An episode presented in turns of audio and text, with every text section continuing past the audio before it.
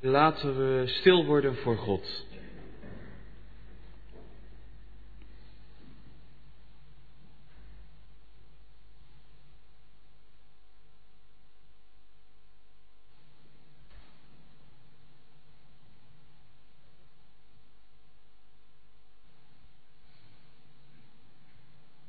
Onze hulp is in de naam van de Heere, die de hemel en de aarde gemaakt heeft, die trouw houdt tot in eeuwigheid en niet loslaat het werk van zijn handen. Genade zij u en vrede van God onze Vader en van onze Heer Jezus Christus door de Heilige Geest. Amen. zetten wij deze dienst voort met het zingen van Psalm 139, vers 1 en 8. Psalm 139, 1 en 8.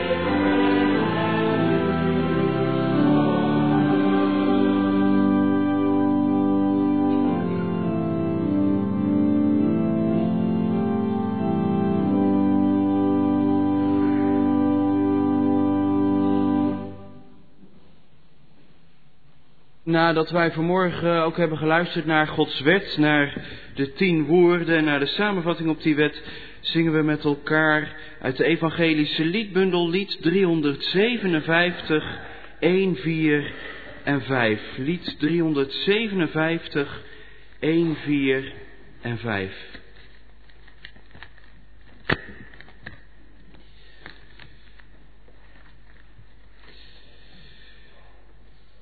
Toen sprak God al deze woorden.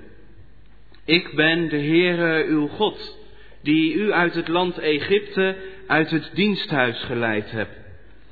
Gij zult geen andere goden voor mijn aangezicht hebben. Gij zult u geen gesneden beeld maken, nog enige gestalte van wat boven in de hemel, nog van wat beneden op de aarde, nog van wat in de wateren onder de aarde is. Gij zult u voor die niet buigen, noch hen dienen, want ik, de Heere uw God, ben een naijverig God, die de ongerechtigheid der vaderen bezoek aan de kinderen, aan het derde en aan het vierde geslacht van hen die mij haten. en die barmhartigheid doe aan duizenden van hen die mij liefhebben en mijn geboden onderhouden. Ge zult de naam van de Heere uw God niet ijdel gebruiken, want de Heere zal niet onschuldig houden wie zijn naam ijdel gebruikt. Gedenk de Sabbatdag dat gij die heiligt. Zes dagen zult gij arbeiden en al uw werk doen, maar de zevende dag is de Sabbat van de Heere uw God. Dan zult gij geen werk doen. Gij, nog uw zoon, nog uw dochter, nog uw dienstknecht, nog uw dienstmaagd, nog uw vee, nog de vreemdeling die in uw steden woont.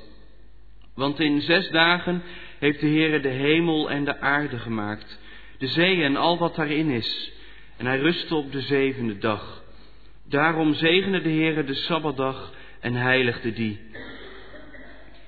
Eer uw vader en uw moeder, opdat uw dagen verlengd worden in het land dat de Heere uw God u geven zal. Gij zult niet doodslaan. Gij zult niet echt breken. Gij zult niet stelen. Gij zult geen vals getuigenis spreken tegen uw naaste. Gij zult niet begeren uw naasten huis. Gij zult niet begeren uw naasten vrouw, nog zijn dienstknecht, nog zijn dienstmaagd, nog zijn rund, nog zijn ezel, nog iets dat van uw naaste is. En in het Nieuwe Testament wordt deze wet dan samengevat. En lezen we in Marcus 12, daar staat geschreven, Gij zult de Heere uw God liefhebben met geheel uw hart en met geheel uw ziel en met geheel uw verstand. Dit is het grote en het eerste gebod. En het tweede hieraan gelijk is, gij zult uw naaste liefhebben als uzelf. Aan deze twee geboden hangt de hele wet en de profeten. Amen.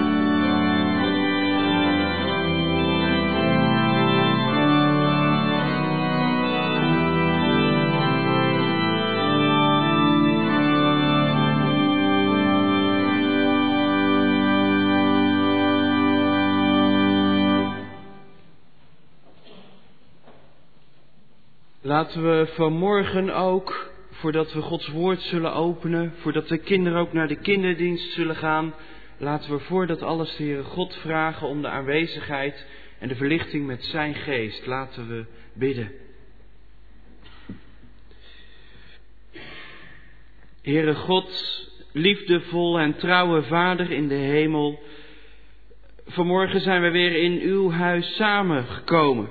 Samen mogen komen omdat de klokken hebben geluid, omdat u ons heeft geroepen om hier samen te zijn.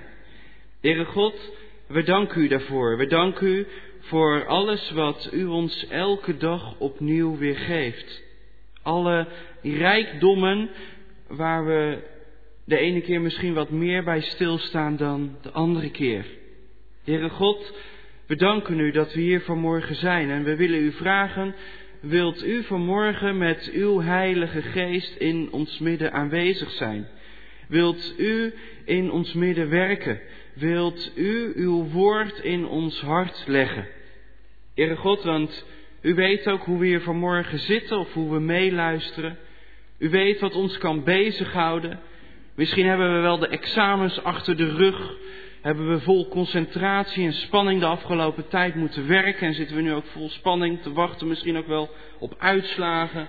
Heere God, misschien zitten we hier met zorgen vanwege onze gezondheid. Misschien zitten we hier met verdriet, gemis. Misschien zitten we hier met dankbaarheid, met vreugde. Heere God, u weet hoe we hier zitten. U weet wat ons bezighoudt. En daarom bent u degene die tot ons daadwerkelijk kan spreken. Heere God, kom daarom met uw heilige geest in ons midden. Open uw woord, dat het mag doordringen ook in ons leven, in ons hart. Heere God, wees ook met de kinderen als ze straks naar de kinderdienst zullen gaan. Wees met de leiding. Schenk ook hen een zegenrijke dienst met elkaar. Zo leggen we alles in uw handen. Door Jezus Christus, uw Zoon. Amen. We gaan nu met elkaar het kinderlied zingen en dat is uit de evangelische liedbundel, lied 469. Helemaal, lied 469.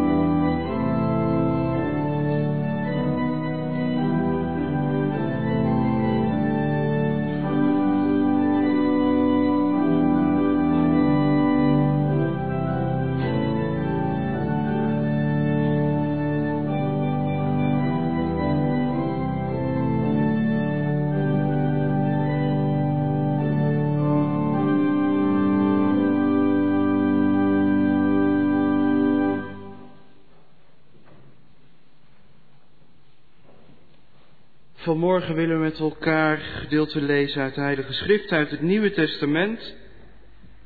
Uit de brief van Paulus aan de gemeente in Korinthe 1, Korinthe 13. 1 Korinthe 13. Ik lees u met u uit de vertaling van 1951. Paulus schrijft, al ware, het, dat ik met de tongen der mensen en der engelen sprak, maar had de liefde niet. Ik ware schallend koper of een rinkelende cymbaal.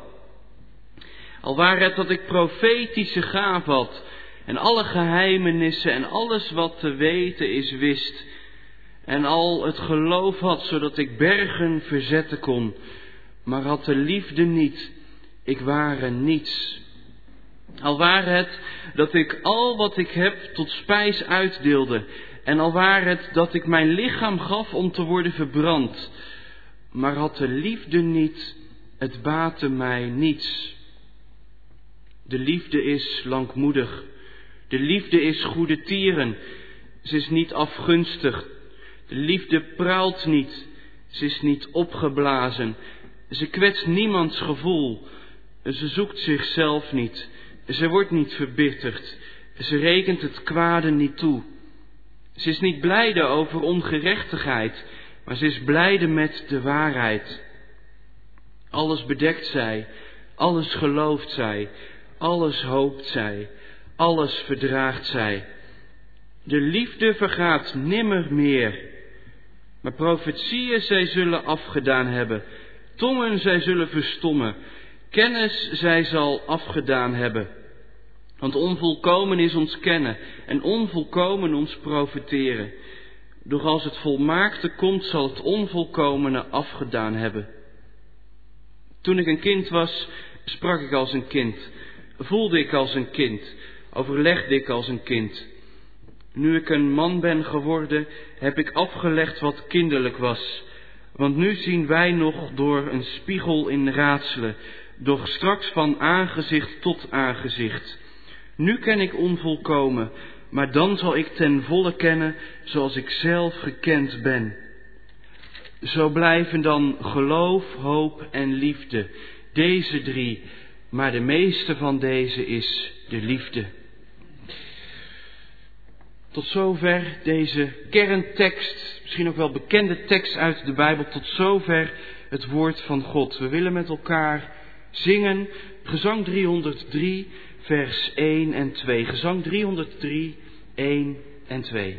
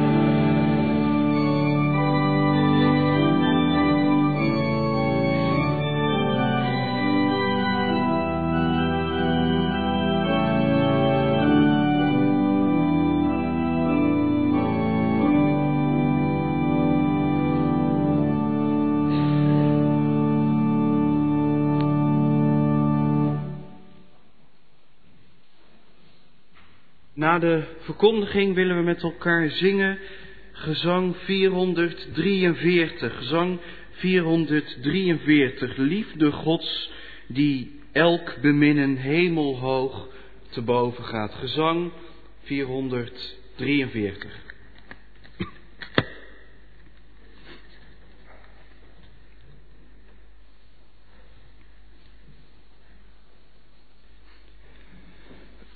Gemeente van Christus,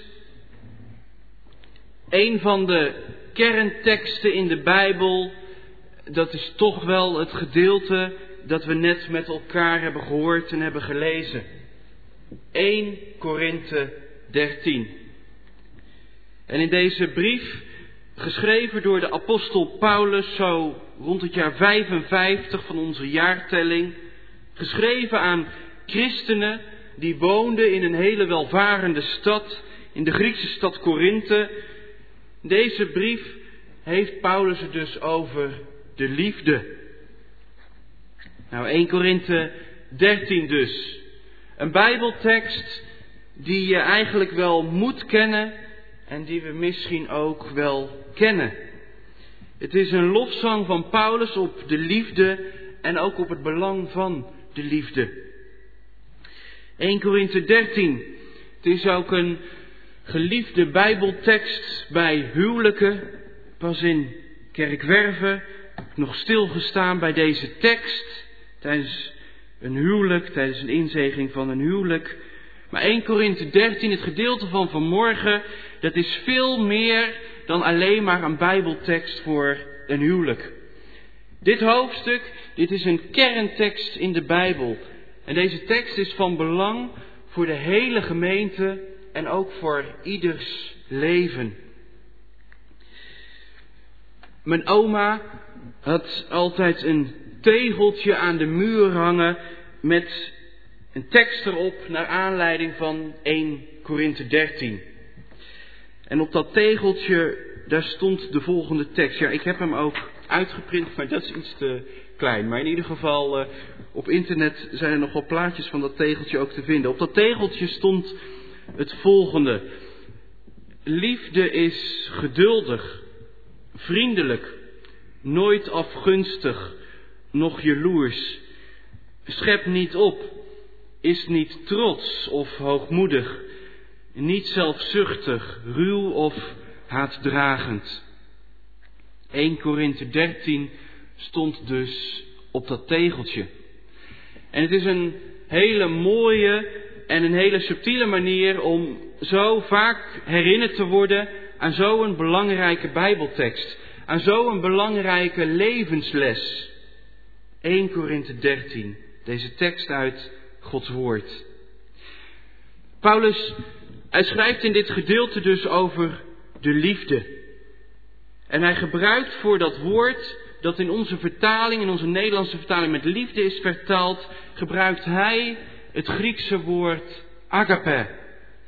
Zoals u en zoals jij ook misschien wel weet, het Nieuwe Testament geschreven in het Grieks. En Paulus, hij gebruikt hier dus het Griekse woord agape. En dat woord agape, dat is in het Nieuwe Testament een woord dat heel vaak voorkomt. En dan gaat het vaak over Gods liefde voor ons en ook voor de liefde onderling. Om een voorbeeld te geven van een tekst waarin dat Griekse woord agape wordt gebruikt, dat woord voor liefde, bijvoorbeeld Johannes 3, vers 16. Want God had de wereld zo lief dat Hij zijn enige zoon heeft gegeven, opdat iedereen die in Hem gelooft niet verloren gaat, maar eeuwig leven heeft. Ook daar wordt dus dat belangrijke woord agape gebruikt. Een heel belangrijk woord dus in het Nieuwe Testament. Een kernwoord. Agape. Dat is dus Gods liefde voor ons, voor deze wereld en ook de liefde onderling. Die we als het ware zo weer van God mogen uitdelen naar andere mensen toe. En Paulus, hij zegt dan in ons gedeelte van vanmorgen, hij zegt, als sprak ik de talen van alle mensen en die van alle engelen, had ik de liefde niet, ik zou niet meer zijn dan een dreunende gong of een schelle symbaal. Al had ik de gave om te profiteren en doorgronde ik alle geheimen, al bezat ik alle kennis en had ik het geloof dat bergen kon verplaatsen, had ik de liefde niet, ik zou niets zijn. Al verkocht ik al mijn bezittingen om voedsel te geven aan de armen, al zou ik als martelaar voor mijn geloof verbrand moeten worden, had ik de liefde niet, het zou mij niets baten. Nou, hoe sterk willen we het hebben? Meteen is dus al duidelijk dat ja, voor Paulus de liefde waar, wij, waar hij hier over spreekt, dat de liefde voor hem het allerbelangrijkste is. En om deze tekst van Paulus ook recht te kunnen doen, is het ook belangrijk dat we de context waarin Paulus dit alles schrijft ook laten meeklinken vanmorgen. Paulus, hij schrijft deze lofzang op de liefde dus in een brief aan de christenen in Korinthe. En in die gemeente in Korinthe, in die Griekse stad Korinthe, er was in die gemeente het nodige aan de hand. Er was namelijk strijd in de gemeente, er was oneenigheid. En in het hoofdstuk hiervoor, 1 Korinthe 12, roept Paulus dan de gemeente ook op tot eenheid. En hij gebruikt dan in het hoofdstuk hiervoor, 1 Korinthe 12, hij gebruikt daarvoor het beeld van een lichaam. Nou, lichaam hebben we allemaal. Een lichaam heeft heel veel verschillende delen. Oren, ogen, benen, voeten, armen, een mond, een neus, handen en ga zo maar door. Alleen is dat al wonderlijk als je daar helemaal over na gaat denken. Een lichaam bestaat uit heel veel verschillende delen en toch, ondanks al die verschillende delen, toch is het één. Eén lichaam. Nou, zo zegt Paulus, zo bestaan wij als gemeente van Christus uit heel veel verschillende mensen. Hebben we allemaal ook onze eigen gaven en talenten. Hebben we ook onze gaven gekregen van de Heilige Geest. En die moeten we dan niet gaan gebruiken voor onszelf. Nee, die moeten we gaan gebruiken om elkaar ook op te bouwen. We moeten dat alles gebruiken tot opbouw van de gemeente van Christus. Maar wat er nu gebeurde in die gemeente in Korinthe, dat is de gave die die mensen hadden ontvangen van de Heilige Geest. Die werden niet zozeer gebruikt tot opbouw van het geheel. Nee, wat je zag, iedereen was veel meer met zichzelf bezig dan met elkaar. De een zei bijvoorbeeld, zie mij eens in tongen spreken. Tongen in tongen spreken, dat is een gave ook van de geest. Ik ken dat persoonlijk zelf niet, maar dan ga je in een soort andere taal de Heilige Geest of God uh, aanbidden. In tongen spreken is dat. Nou, zo waren de mensen dus in die gemeente in Korinthe die dat blijkbaar die gaven van de geest hadden ontvangen en die daar als het ware zichzelf een soort van beter doorvoelden dan anderen. Of anderen zeiden, kijk mij eens mensen genezen. Kunnen jullie dat dan niet? Was ook een gave van de geest, dat je in staat was om mensen te genezen. Of zie mij eens uitblinken met al mijn kennis. Kortom, als je zo eens die, deze brief helemaal doorleest, dan krijg je de indruk dat veel mensen in die gemeente dus meer bezig waren met zichzelf dan met elkaar. In Korinthe was de samenbindende kracht van de liefde verdwenen. Was dat lichaam niet meer één, maar waren het eigenlijk allemaal losse delen. De eenheid van het lichaam van de gemeente stond dus daar onder druk, doordat de een zich belangrijker achtte dan de ander. Nou, dat is de context van 1 Korinthe 13. En daarom, daarom begint Paulus hier te spreken over de liefde. En daarom spreekt Paulus ook met deze woorden over de liefde. De liefde alsof het het cement is en het fundament van de gemeente van Christus. En Paulus, hij zegt dan, de liefde is geduldig.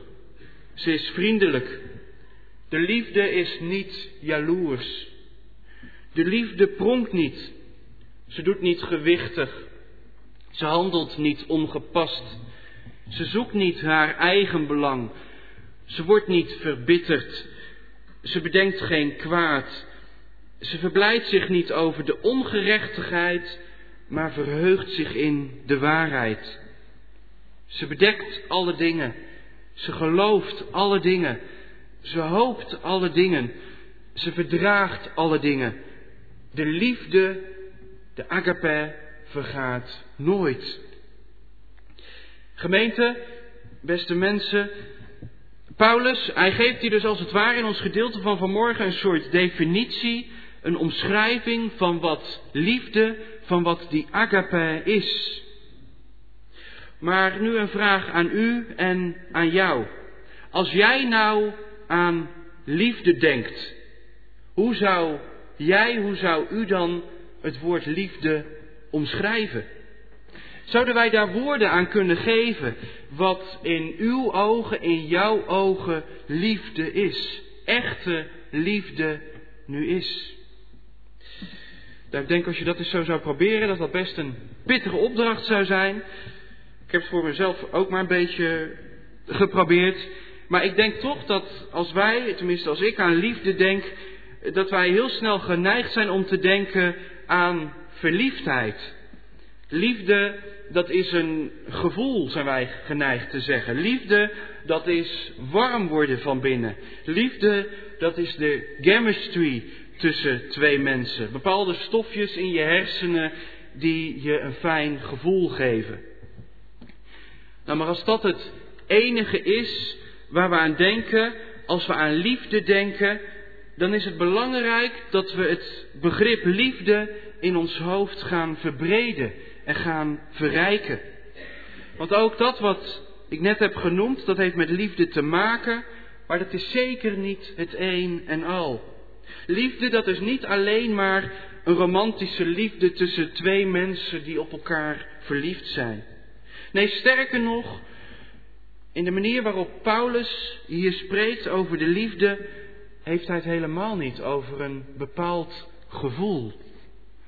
De liefde waar Paulus het hier over heeft, de agape, dat heeft sterker nog eigenlijk helemaal niets te maken met vlinders in je buik. Nee, deze liefde heeft veel meer te maken met ruimte maken voor de ander. Ruimte maken voor de ander. De liefde waar Paulus het in ons gedeelte van vanmorgen over heeft, dat is niet zozeer een gevoel, een prettig gevoel. Nee, de liefde waar Paulus het over heeft, dat is een opgave. Geduldig zijn, vriendelijk zijn, niet zelfzuchtig zijn, niet blij zijn over onrecht, maar blij worden van de waarheid. Dingen die niet goed zijn, goed bij jezelf of goed bij de ander, ook weer vergevend kunnen bedekken. De liefde als het ware als bodem van alles. Geloven, hopen, verdragen. Daar allemaal is ook liefde voor nodig.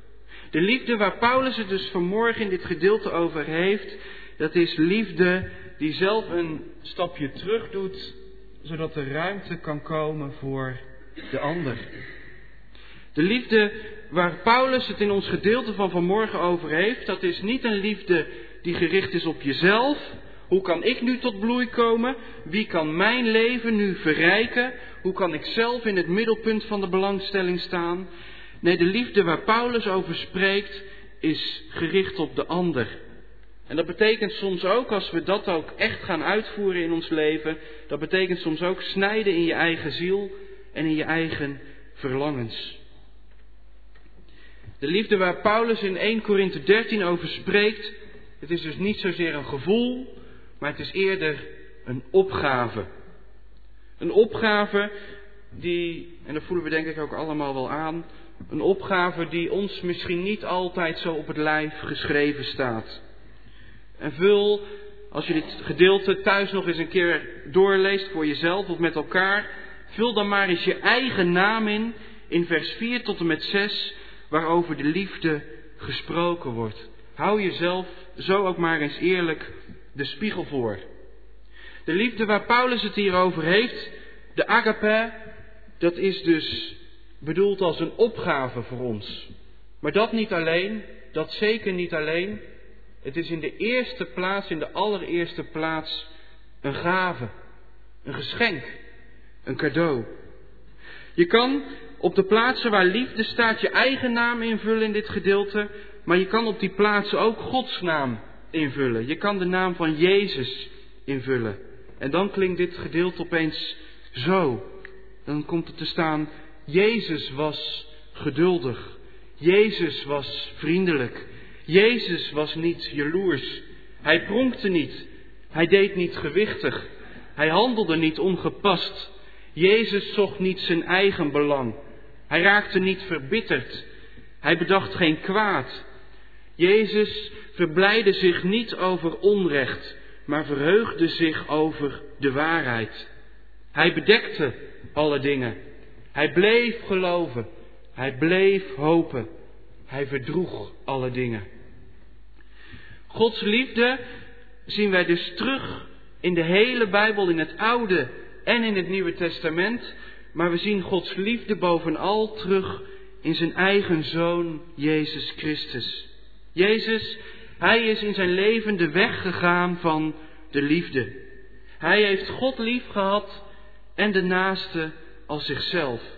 En dat heeft hij in onze plaats gedaan. Dat heeft hij voor ons gedaan. En wij, wij mogen zo vandaag, ons hele leven lang eigenlijk, wij mogen leven uit die liefde van God voor ons. 1 Korinthe 13, het is dus allereerst ook een geschenk. Je hoeft er niets voor te doen voor die liefde van God. Je hoeft er niets voor te doen om die liefde van God te ontvangen. Ja, wat je wel moet doen, zoals dat met liefde altijd zo is, je moet je ervoor openstellen, zodat die liefde van God in jou, in u ook kan doordringen. En op een andere plaats in het Nieuwe Testament staat het dan ook prachtig verwoord.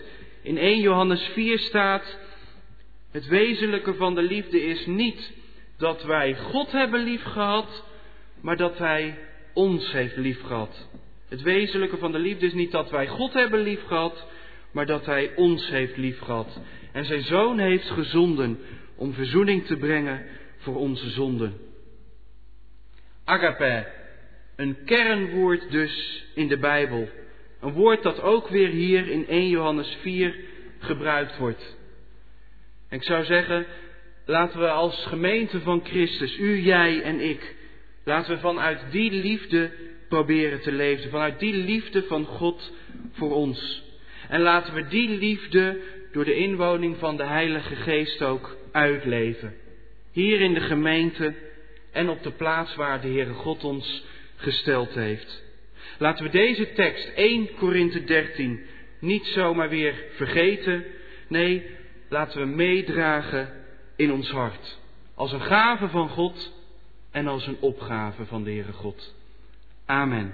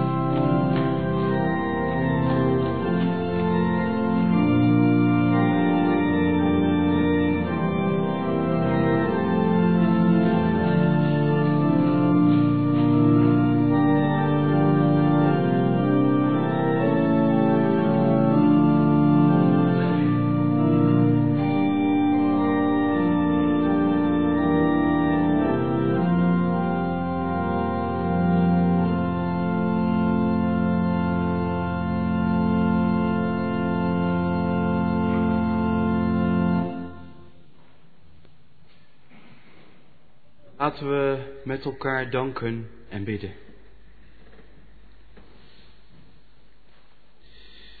Liefdevolle Vader in de hemel, aan het eind van deze dienst komen we tot U. Heere God, en we danken U voor alles wat U ons in deze dienst ook hebt gegeven. We danken U voor de liederen die we mochten zingen, voor de muziek die we mochten horen, voor uw woord dat open mocht gaan en dat we met elkaar hebben mogen overdenken, voor uw evangelie van trouw en van liefde voor ons, dat heeft mogen klinken. Heere God, en we bidden u, wilt u in ons leven die liefde ook laten zien? Wilt u in ons leven ons, onze ogen openen voor uw liefde? Heere God, schenk ons die liefde waar het in 1 Korinthe 13 over gaat. Die onvoorwaardelijke liefde, die bron, die fontein die van geen ophouden weet. Heere God, wilt u zelf in ons wonen door de kracht van uw Heilige Geest. Wilt u ons die gave van de liefde schenken, zodat het ja, voor ons ook een kleine opgave wordt om die liefde ook uit te dragen in ons leven. Heere God, en dan bidden we ook voor deze wereld. En dan denken we aan plaatsen waar geen liefde is. Heere God, dat kan ver weg zijn, maar dat kan ook heel dichtbij zijn. Heere God, de liefde kan zo snel bekoelen. De liefde kan zo snel ingeruild worden voor onverschilligheid. Heere God, en we bidden u dan ook voor, ervoor als dat in ons leven is gebeurd, dat de liefde weg is, dat de onverschilligheid ervoor in de plaats is gekomen. Heere God, wij bidden u dan, wilt u ons dan die geborgenheid, die liefde opnieuw weer schenken, dat we daaruit ook mogen leven. Heere God, we bidden ook zo voor dit land, ook voor de westerse wereld, waarin het individualisme soms als summum wordt gezien als het grootste goed dat bereikt kan worden, autonomie. Heere God, maar dan mogen we ook in de kerk horen dat juist niet het zelf, maar juist de ander en het samen zijn, dat dat ja, de kern is van het evangelie. Dat liefde niet betekent zelf tot bloei komen, maar dat liefde ook betekent een stapje achteruit doen, ruimte maken voor de ander. Heere God, wilt u ons zo leren wat in uw begrip, in uw hart, in uw woord liefde is en liefde betekent. Heren, zo bidden we u, ga zo ook met ons weer mee, ook in de week die voor ons ligt. Heere God, we doen ook voorbeden. Dank mag er zijn bij familie van der Woude, 40 jaar getrouwd. Heere God, wat ja, mooi ook, prachtig. Heere God, dat zij ook nog van elkaar ook een goede tijd mogen hebben. Heere God, schenk hen uw zegen ook in alles. Heere God, we bidden ook voor mevrouw van der Bie. Ze mocht weer thuiskomen. Wees ook met haar. Heere God, bidden ook voor andere zieken in onze gemeente. Gezinnen waar er zorgen zijn, waar er verdriet is. Heere God, wees ook daar met uw geest, met uw liefde. Laat daar ook de kracht van uw liefde zien. Heere God, ja, zo leggen we onze gebeden aan u voor. En we sluiten af met het gebed dat uw zoon ons leerde bidden. Onze Vader, die in de hemelen zijt. Uw naam worden geheiligd. Uw koninkrijk komen. Uw wil geschieden. Gelijk in de hemel, als ook op de aarde. Geef ons heden ons dagelijks brood. En vergeef ons onze schulden. Gelijk ook wij vergeven onze schuldenaren. En leid ons niet in verzoeking, maar verlos ons van de boze. Want van u is het koninkrijk en de kracht en de heerlijkheid tot in eeuwigheid. Amen. Onze gaven zullen nu ook worden ingezameld. En onze slotzang vanmorgen is dan Psalm 92, vers 2, 7 en 8. Psalm 92, 2, 7 en 8.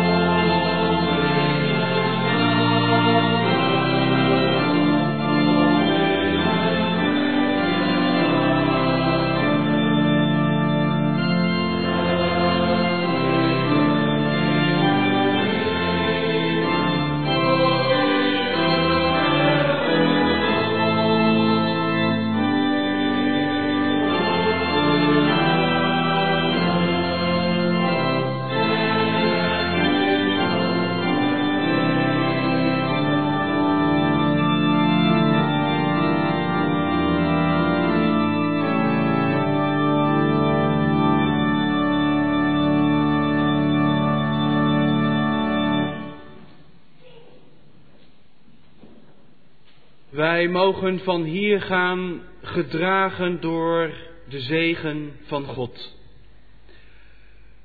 De genade van onze Heer Jezus Christus, de liefde van God en de gemeenschap met de Heilige Geest zij met u allen.